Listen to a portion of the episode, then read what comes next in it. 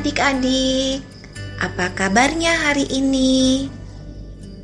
Tante Injil harap adik-adik senantiasa sehat sejahtera dan tentunya siap mendengarkan renungan hari ini. Sebelum kita mulai, kita siapkan hati dan pikiran kita. Mari kita berdoa. Tuhan Yesus yang baik, saat ini kami mau mendengarkan firman-Mu. Tolong sertai kami agar kami dapat mendengarkan dengan baik. Terima kasih Tuhan Yesus. Amin. Kita buka Alkitab kita. Renungan hari ini diambil dari Yesaya 46 ayat 1 sampai 13. Yesaya 46 ayat 1 sampai 13. Tante Injil yang akan baca ya. Yesaya 46 ayat 1 sampai 13 para dewa Babel tidak berdaya.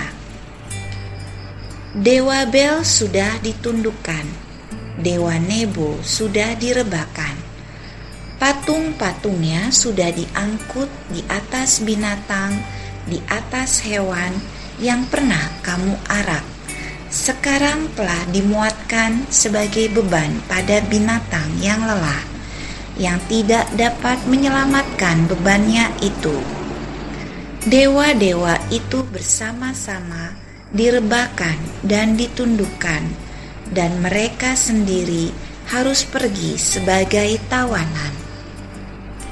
Dengarkanlah aku, hai kaum keturunan Yakub, hai semua orang yang masih tinggal dari keturunan Israel, hai orang-orang yang kudukung sejak dari kandungan Hai orang-orang yang kujunjung sejak dari rahim, sampai masa tuamu, aku tetap dia, dan sampai masa putih rambutmu, aku menggendong kamu. Aku telah melakukannya dan mau menanggung kamu terus. Aku mau memikul kamu dan menyelamatkan kamu kepada siapakah kamu hendak menyamakan aku, hendak membandingkan dan mengumpamakan aku sehingga kami sama? Orang mengeluarkan emas dari dalam kantongnya dan menimbang perak dengan dacing. Mereka mengupah tukang emas untuk membuat Allah dari bahan itu. Lalu mereka menyembahnya juga sujud kepadanya. Mereka mengangkatnya ke atas bahu dan memikulnya, lalu menaruhnya di tempatnya. Di situ ia berdiri dan tidak dapat beralih dari tempatnya. Sekalipun orang berseru kepadanya, ia tidak menjawab, dan ia tidak menyelamatkan mereka dari kesesakannya. Ingatlah hal itu dan jadilah malu Pertimbangkanlah dalam hati, hai orang-orang pemberontak. Ingatlah hal-hal yang dahulu dari sejak purbakala, bahwasanya akulah Allah dan tidak ada yang lain. Akulah Allah dan tidak ada yang seperti aku yang memberitahukan dari mulanya hal yang kemudian dan dari zaman purbakala apa yang belum terlaksana yang berkata, "Keputusanku akan sampai dan segala kehendakku akan kulaksanakan." Yang memanggil burung buas dari timur dan orang yang melaksanakan putusanku dari negeri yang jauh. Aku telah mengatakannya, maka aku hendak melangsungkannya. Aku telah merencanakannya, maka aku hendak melaksanakannya Dengarkanlah aku, hai orang-orang yang congkak, orang-orang yang jauh dari kebenaran. keselamatan yang daripadaku tidak jauh lagi, sebab aku telah mendekatkannya dan kelepasan yang kuberikan tidak bertangguh lagi.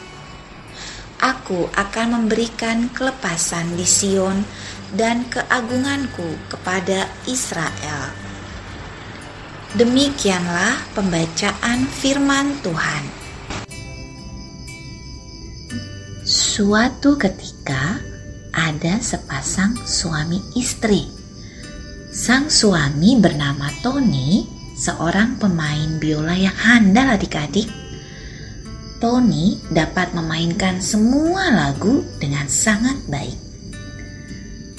Tetapi biola Tony tidak punya tempat sehingga selalu saja berdebu. Tetapi Tony setiap hari membersihkan debunya karena Tony sangat menyayangi biolanya. Dan sang istri bernama Tina adalah seorang perempuan cantik. Tina pandai merawat diri karena pernah belajar ilmu kecantikan. Bagian dari dirinya yang paling Tina sukai adalah rambutnya. Rambut Tina itu panjang, halus, dan hitam terurai. Bahkan ada salon kecantikan yang menawar rambut Tina dengan harga mahal loh. Tapi Tina tidak mau menjualnya. Karena Tina sayang sama rambutnya. Tina selalu merawatnya dengan baik. Tina dan Tony hidup bersama dan saling mencintai. Pada hari perayaan pernikahan mereka, Tina dan Tony saling berbagi hadiah. Tina memberi hadiah kepada Tony berupa tempat biola yang indah. Tempat biola itu dibelinya dari uang hasil penjualan rambutnya. Rambut yang selama ini disayang Tina, dirawat Tina, dan dijaga Tina. Tony juga memberi hadiah kepada Tina. Tony memberi hadiah kepada Tina berupa hiasan dari rambut emas yang sangat indah. Hiasan rambut itu dibeli Tony dari uang hasil penjualan biola kesayangannya. Wah, terharu sekali ya adik-adik. Sampai-sampai Ketika Tony dan Tina membuka hadiahnya, mereka sama-sama terkejut. Mereka saling berpelukan dengan haru. Menurut adik-adik, apakah perbuatan mereka sia-sia? Tentu saja tidak, karena peristiwa itu menunjukkan bahwa Tina dan Tony saling menyayangi dan mau berkorban dengan tulus bagi pasangannya. Nah, begitu juga dengan adik-adik. Ketika adik-adik memberi atau menolong teman atau siapa pun, hendaknya adik-adik melakukannya dengan tulus, tanpa mengharapkan imbalan, tanpa mengharapkan balasan karena ketika kita melakukannya dengan tulus, hati kita pasti penuh sukacita. Yuk adik-adik, kita katakan dengan sungguh-sungguh, aku mau berkorban dengan tulus kepada sesama. Mari kita tutup renungan hari ini dengan berdoa. Bapa di surga, kami bersyukur karena Tuhan telah berkorban untuk menebus dosa kami dan terus memelihara kami dengan kasih setia. Ajar kami untuk meniru teladan Tuhan dengan berkorban bagi sesama.